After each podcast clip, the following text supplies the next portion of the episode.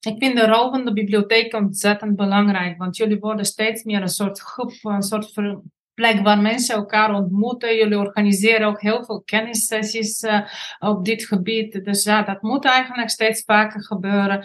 En ik zie dat als ik zelf kom bij bibliotheken, is de belangstelling heel groot. Dus ja, het is eigenlijk vooral organiserend en inderdaad niet alleen inzetten op digitale vaardigheden, maar ook op de gevaren. Podcast De Biep is Meer gaat op zoek naar de toekomst van openbare bibliotheken en hoe zij bijdragen aan de maatschappelijke uitdagingen van deze tijd. Met nieuws uit de sector, spraakmakende gasten en verrassende thema's word je meegenomen in de wereld van leesbevordering, digitaal burgerschap en participatie. De Biep is Meer is een initiatief van Matt Gubbels die jou wil informeren en inspireren. Hij gelooft in de kracht van podcasting en het verhaal van de bibliotheek. Welkom bij deze nieuwe aflevering van podcast De Biep is Meer. Vandaag spreek ik over het thema cybersecurity. Wat zijn de mogelijkheden, wat zijn de gevaren daarvan? En dat doe ik met jeugdboekenauteur Maria Genova. Spreek ik dat goed uit, Maria? Ik vind alles goed. Maar je komt oorspronkelijk niet uit Nederland, aan jouw toon te horen. Klopt, ik kom uit Bulgarije. Op mijn negentiende kwam ik naar Nederland. Ik studeerde hier journalistiek. Ik kwam voor de liefde trouwens, dus het is nog steeds aan, dus uh, nog steeds heel happy. En uh, ja, ik werkte heel lang als journalist en later ben ik fulltime schrijver geworden. Je bent niet alleen journalist, maar ook schrijver. Jij hebt heel veel geschreven, hè? Niet alleen kinderboeken en jeugdboeken, maar ook ander soort werk. Kun je daar iets over vertellen? Ja, eigenlijk vooral boeken voor volwassenen. Uh, mijn eerste boek uh, was eigenlijk een beetje autobiografisch over het leven van een gewoon meisje tijdens het communisme.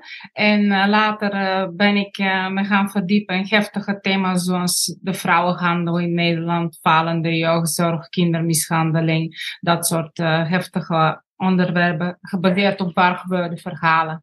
En uh, ja, dat raakte best wel mensen, moet ik zeggen. Want heel veel mensen wisten daar ook weinig over. En die verhalen waren echt, uh, uh, ja, soms zat ik echt huilend te, te, schrijven, bij wijze van spreken. Hoe kwam je om dit soort onderwerpen te behandelen? Persoonlijke interesse? ja, ik ik heb ook altijd iets met recht en onrecht. Ik kan niet zo goed tegen onrecht. Dus het was echt een beetje een soort van gedrevenheid van hoe is dit mogelijk in Nederland. Hè? En, uh, maar ook uh, eigenlijk soort bewondering voor sterke vrouwen die echt de meest gruwelijke dingen meemaken en, en die, die er toch goed uitkomen en die eigenlijk een mooi voorbeeld zijn voor iedereen die problemen heeft. Van ja, uh, er is wel een soort licht aan het einde van de horizon, hou het nog even vol. We gaan het zo hebben over jouw nieuwste boek, Chatbot Boy. Maar eerst even terug naar jou als schrijver. Waar komt die passie voor dat schrijven vandaan? Want je schrijft heel veel. Hey, ja, ik schrijf heel veel. Ik vind het ook ontzettend leuk. Weet je, de mensen hebben soms een soort writersblok, gebrek aan inspiratie. Nou, dat heb ik eigenlijk nooit. Ik heb altijd uh, heel veel dingen dat ik denk, ja, dat zou ik ook zo graag willen opschrijven. Meestal gebrek aan tijd, want ik geef uh, ook heel vaak lezingen. Vaak, ja, deze maand 24 lezingen in één maand tijd, vorige maand ook. Dus ja, maar dan slaap ik desnoods niet, maar dan ga ik schrijven. Heel gedisciplineerd ben je dus. Ja, ja, echt wel. ja. Um, je hebt heel divers geschreven, zei je al. Hè? Um, waar mogen we jou in het literaire landschap uh, plaatsen? Of is dat bijna niet uh, te doen? Nou ja, ik, uh, ik heb een voorliefde voor non-fictie, dus voor waar gebeurde verhalen. En uh, natuurlijk, die uh, kinderboeken die zijn wel vaak verzonnen verhalen, maar wel ook gebaseerd op wat er in werkelijkheid gebeurt. Dus hoeveel jongeren slachtoffer worden van online criminelen, hoe precies. En uh, helpt de politie wel of helpt dat niet? En wat moet je eigenlijk weten om niet het volgende slachtoffer te worden? Dat was bijvoorbeeld bij mijn eerste boek, What the Heck, het geval. En ja, en eigenlijk de meeste kinderen wat ik had opgeschreven, dat wisten ze niet. Dus heel vaak gebruiken ze het voor presentaties op school. Ik krijg allemaal super hoge cijfers, want niemand blijkt het te weten. En een kinderjury bekroonde ook het boek als beste kinderboekdebuut. Dat was mijn eerste boek voor kinderen eigenlijk. En ik was daar zo blij mee, zo verbaasd ook over. Want alle grote uitgevers hadden hun beste boeken ingestuurd. En sommige echt zo mooi, echt fantasy geïllustreerd.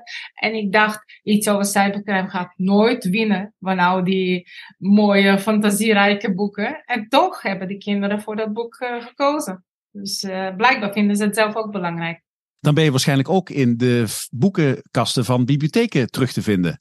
Ik denk dat heel veel bibliotheken het ingekocht hebben, ja. Weet ik zeker trouwens, ja. Hoe ben je erop gekomen om die draai te maken van schrijven voor volwassenen naar schrijven voor kinderen en jeugd en jongeren? Eigenlijk wilde ik al heel graag een boek voor jongeren schrijven over cybercrime. Dat wilde ik heel lang. Alleen ik had niet echt een heel um, mooi mm, ja, idee daarvoor. Weet je, kijk, uh, kinderen voor, uh, boeken voor kinderen moeten een heel andere eisen voldoen. Moeten echt bijvoorbeeld humor, veel humor bevatten, veel, veel spanning en dat soort dingen. Dus dan moet je echt met een heel goed verhaal komen. Dat en super spannend is en grappig en alles. En voor volwassenen hoef je niet aan al die eisen te voldoen. Hè? Dus dat, die hebben iets meer zitvlees. En opeens had ik echt een uh, verhaal in gedachten van uh, wat zou de jongeren kunnen meemaken dat echt super spannend is. Maar ook uh, heel grappige situaties oplevert. En waardoor iedereen gaat nadenken, oh, maar ik doe het ook verkeerd.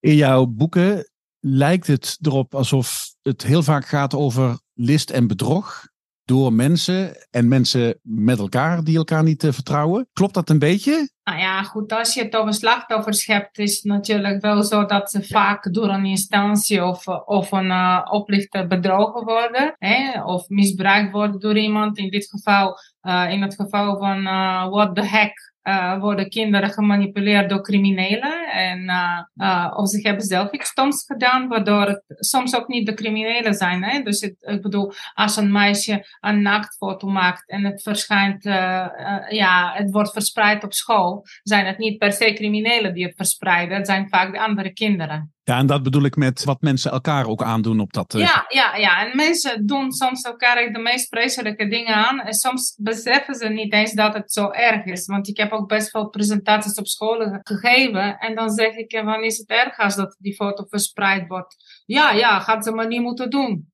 Ik denk, ja, maar jij bent de verspreider. Uh, dus kijk, als je het niet gaat verspreiden, was ook niks aan de hand. Nou, jouw nieuwste boek, Chatbot Boy, dat staat op het punt van uitkomen, gaat over de mogelijkheden en gevaren van kunstmatige intelligentie. ChatGPT komt ook aan eh, bod. Um, hoe ben je in het bijzonder op dit onderwerp uh, gekomen? Ik uh, zie dat steeds meer jongeren ChatGPT gebruiken om hun huiswerk te maken. Dus, uh, dus het was natuurlijk niet zo moeilijk om dat in een boek te verwerken. Maar eigenlijk wilde ik veel meer. Ik wilde ook uh, dat laten zien wat mogelijk is. Dat, dat een jongen die zich eenzaam voelt op school en gepest wordt een beetje. Dat, dat eigenlijk vindt hij ook een soort luisterend oor in ChatGPT. En dus eigenlijk speelde ik zelf de rol van die jongen. En die ging echt praten met ChatGPT en zeggen, ik word, ben vandaag heel erg gepest op school, kun je me helpen? En alle antwoorden van die chatbot heb ik echt verwerkt in het boek, echt één op één. Dus we leverden heel interessante conversaties op. En ook van, op een gegeven moment is die jongen verliefd op een meisje en dan besluit je ChatGPT te gebruiken, want die heeft alle kennis ter wereld, want hoe versier ik een meisje?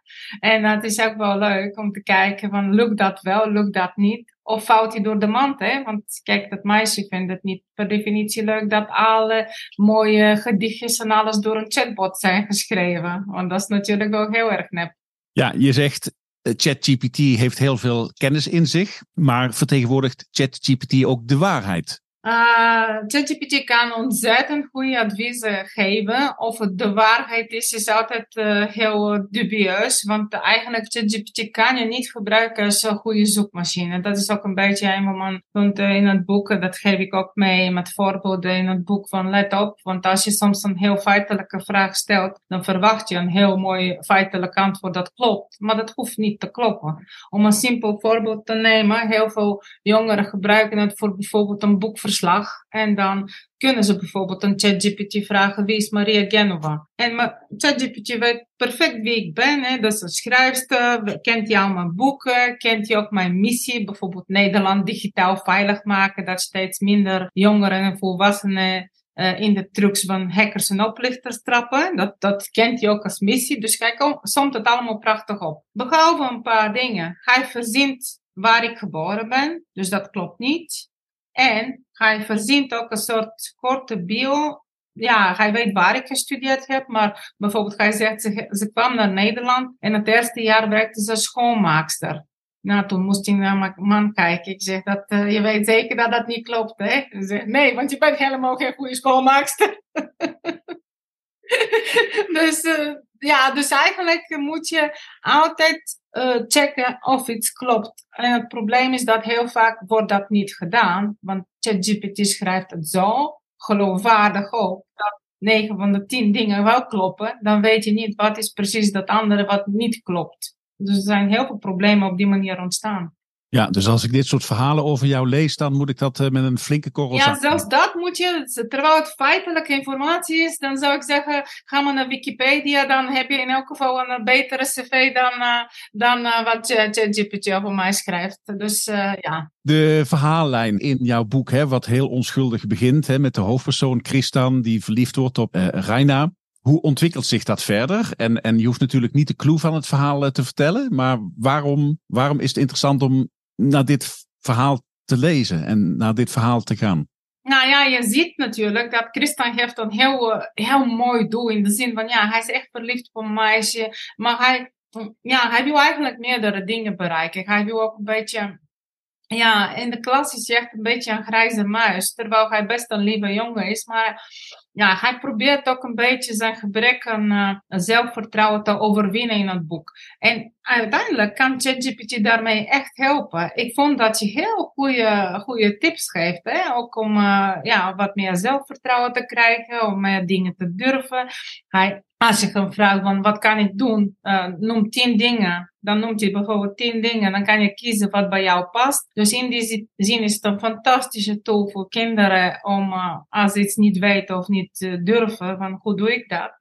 Dus als brainstormpartner is het echt fantastisch. En ja, ChatGPT probeert altijd te helpen, dus in dit geval ook. Maar de vraag is van, ja, in hoeverre mag je het gebruiken voor van alles. Hè? Dus wat is ethisch, wat is niet ethisch? En dat wil ik eigenlijk met dat boek ook aankaarten. Van hoe ver willen we ook chatbots doorontwikkelen? Willen we ze ook gevoelens geven? Bijvoorbeeld, uh, is het eng als die chatbot ook verliefd wordt op Christen, hè? bijvoorbeeld. Hè? Want dat zijn dingen die misschien gaan gebeuren. Of uh, hoe gaan ze met die informatie om die je ze toevertrouwt?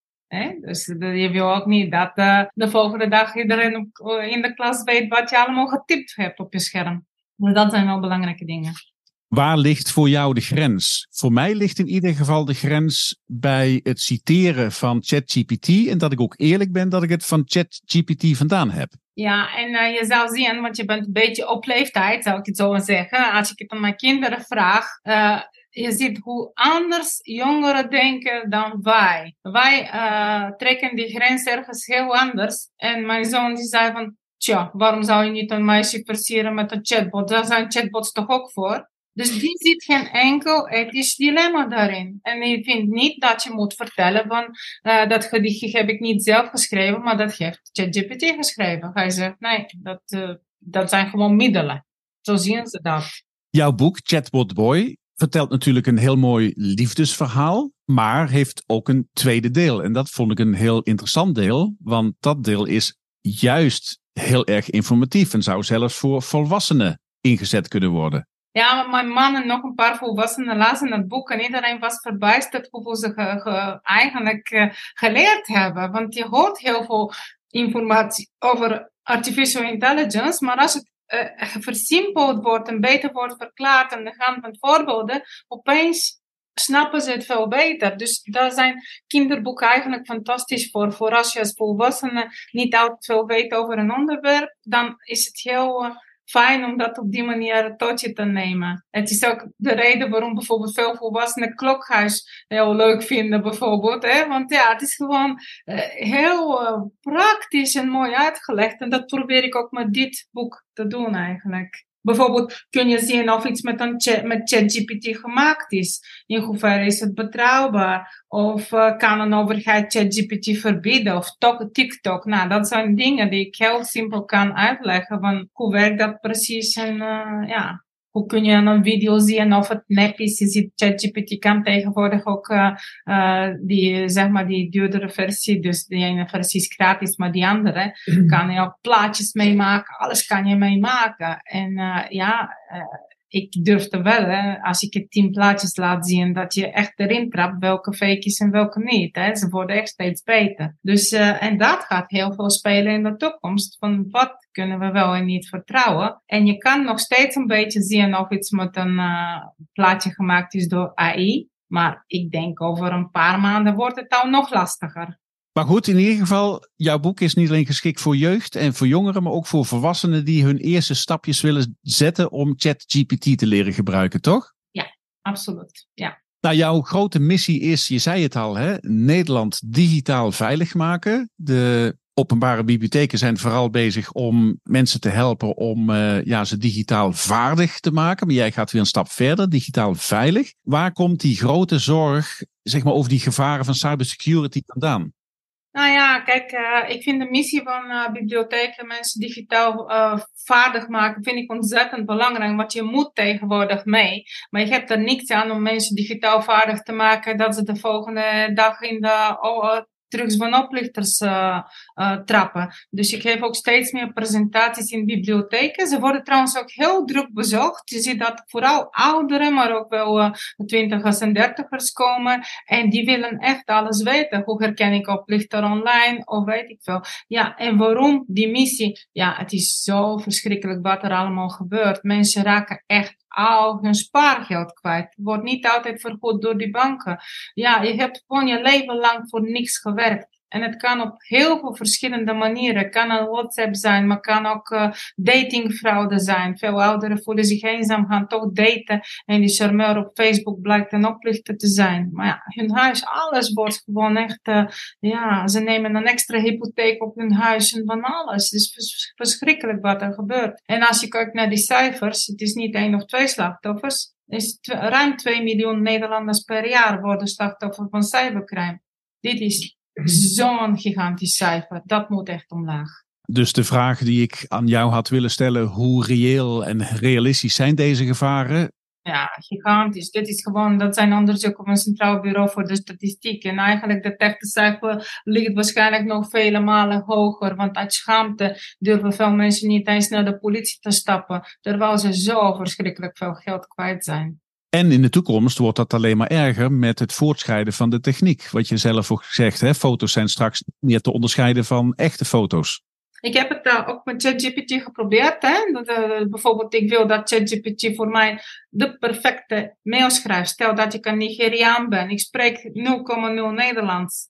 Kan ik een, een, uh, bijvoorbeeld een perfecte mail naar Besabi of de Rabobank sturen naar, naar aan iedereen van wie ik de e-mailadressen heb. En dat zijn, onze e-mailadressen zijn gewoon te koop, hè, van 7 miljoen Nederlanders al. Dus ja, je kan gewoon naar al die 7 miljoen dat soort uh, berichtjes sturen namens alle banken. En ja, tot nu toe was dat heel lastig. Maar nu, met ChatGPT en dat soort programma's, is het echt een kwestie van seconden en je hebt zo'n mail. En als je zegt ChatGPT schrijft een phishing mail, dan zegt hij nee.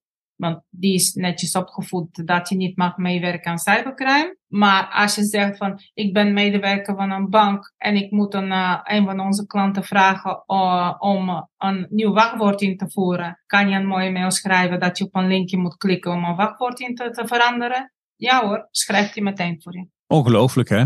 Ik heb heel veel tests uitgevoerd van verschillende van dat soort testjes komen ook in het boek terug. En het is echt uh, ja, verbijsterend wat er allemaal nu al kan. Ik zie jou regelmatig op LinkedIn uh, voorbij komen. en wat je in het begin al zei, ja, 24 lezingen deze maand alleen al. Je komt ook bij gemeentes, bij bedrijven, commerciële bedrijven. Wat valt jou op als je zo'n zaal toespreekt? Valt mij op hoe weinig het gemiddelde, hoe, eigenlijk hoe laag het gemiddelde kennisniveau is over de toenemende digitale gevaren. Als ik aan mensen vraag bijvoorbeeld hoe herken je een kwaadaardige keurcode, dan weten ze niet. Ik zou het ook niet weten.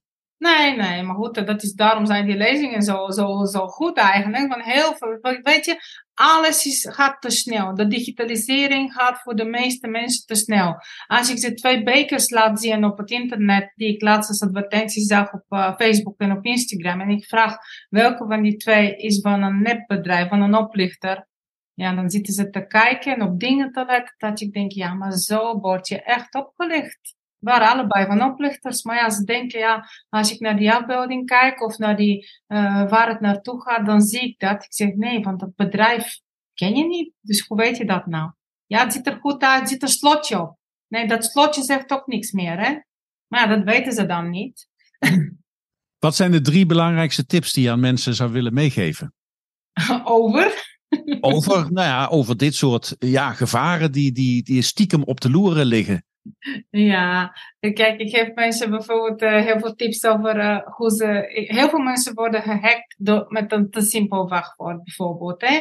In uh, What the Hack in het boek geef ik ook heel veel voorbeelden voor jongeren. Maar hoe maak je wachtwoorden lang en sterk? Want ja, weet je, heel veel jongeren hebben te korte wachtwoorden. En alles wat te kort is, ook al prop je het helemaal vol met hashtags en hoofdletters, is nog steeds simpel te hacken. Stel dat je wachtwoord acht karakters is, is meteen gehackt. Als je twee keer achter elkaar acht karakters typt, dus precies hetzelfde wachtwoord twee keer achter elkaar, dan heb je al 16. 16 is op dit moment niet te hacken. En in het midden kan je gewoon iets doen van de website. Bijvoorbeeld F voor Facebook, I voor Instagram, M voor Marktplaats, P voor Vinted. Op die manier heb je voor alles een ander wachtwoord. En ze zijn allemaal super lang, dus onhackbaar. Dus dat soort simpele tips geef ik ze. En een ander simpel tip wat je morgen al kan doen. Als je een, mm, een update krijgt van een programma van Windows of van Apple, doe het zo snel mogelijk. Dat soort updates die lossen zoveel digitale problemen op, wil je niet weten. Windows geeft ongeveer 100 nieuwe digitale ramen elke maand open. Jij kan ze zelf niet doen. Dat moet Windows doen via een update. En het enige wat je moet doen is niet elke keer klikken op later, later, later, maar klikken op updaten. Dan gaan al die digitale ramen dicht en dan kunnen de digitale inbrekers niet binnenkomen. Dus dat soort simpele tips kunnen ons echt helpen om uh, eigenlijk om veel, uh, veel slimmer te worden dan de, dan de hackers. Want als je al die raampjes dicht doet, dan wordt het echt heel lastig voor ze. Wie vind jij dat in Nederland hier een voortrekkersrol in moet nemen, los van de Nederlandse overheid? Ja, nou, ik, eerlijk gezegd uh, zie ik dat niet gebeuren. Ik heb het idee dat uh, vooral uh, dat wij dat zelf moeten doen. Ik reken niet meer op de overheid, ik reken niet meer op de politie. Niet dat ze het niet proberen hoor, maar Weet je, dat is gewoon zo, zo moeilijk om goede tools te maken, om alle Nederlanders te beschermen. Dat bestaat gewoon niet. Dus eigenlijk, ons enige wapen tegen de hackers is iets meer kennis. En dan probeer ik echt met, de, met eigenlijk simpele, leuke boeken bij te dragen. Dan kan je een beetje lachen, dan kan je een beetje huiveren als het verhaal te spannend wordt. En aan het einde ben je echt veel veiliger, want dan leer je al die trucs doorzien. Dus dat is echt uh, zowel bij What the Hack als bij Chatbot Boy als bij een paar van mijn andere boeken is dit echt uh, het doel. En ik hoor het ook wel van, wauw, als ik dit niet had gelezen, de volgende dag kreeg ik zoiets, was ik echt erin getrapt. En nu wist ik het door het boek en dat heeft mij echt gered. En ik zeg, zeg ja, zie je, is echt een kwestie van iets meer kennis. Wat is de rol van openbare bibliotheken en van scholen in dit hele verhaal? Ik vind de rol van de bibliotheek ontzettend belangrijk, want jullie worden steeds meer een soort groep, een soort plek waar mensen elkaar ontmoeten. Jullie organiseren ook heel veel kennissessies uh, op dit gebied. Dus ja, dat moet eigenlijk steeds vaker gebeuren. En ik zie dat als ik zelf kom bij bibliotheken, is de belangstelling heel groot. Dus ja, het is eigenlijk vooral organiserend en inderdaad niet alleen inzetten op digitale vaardigheden, maar ook op de gevaren.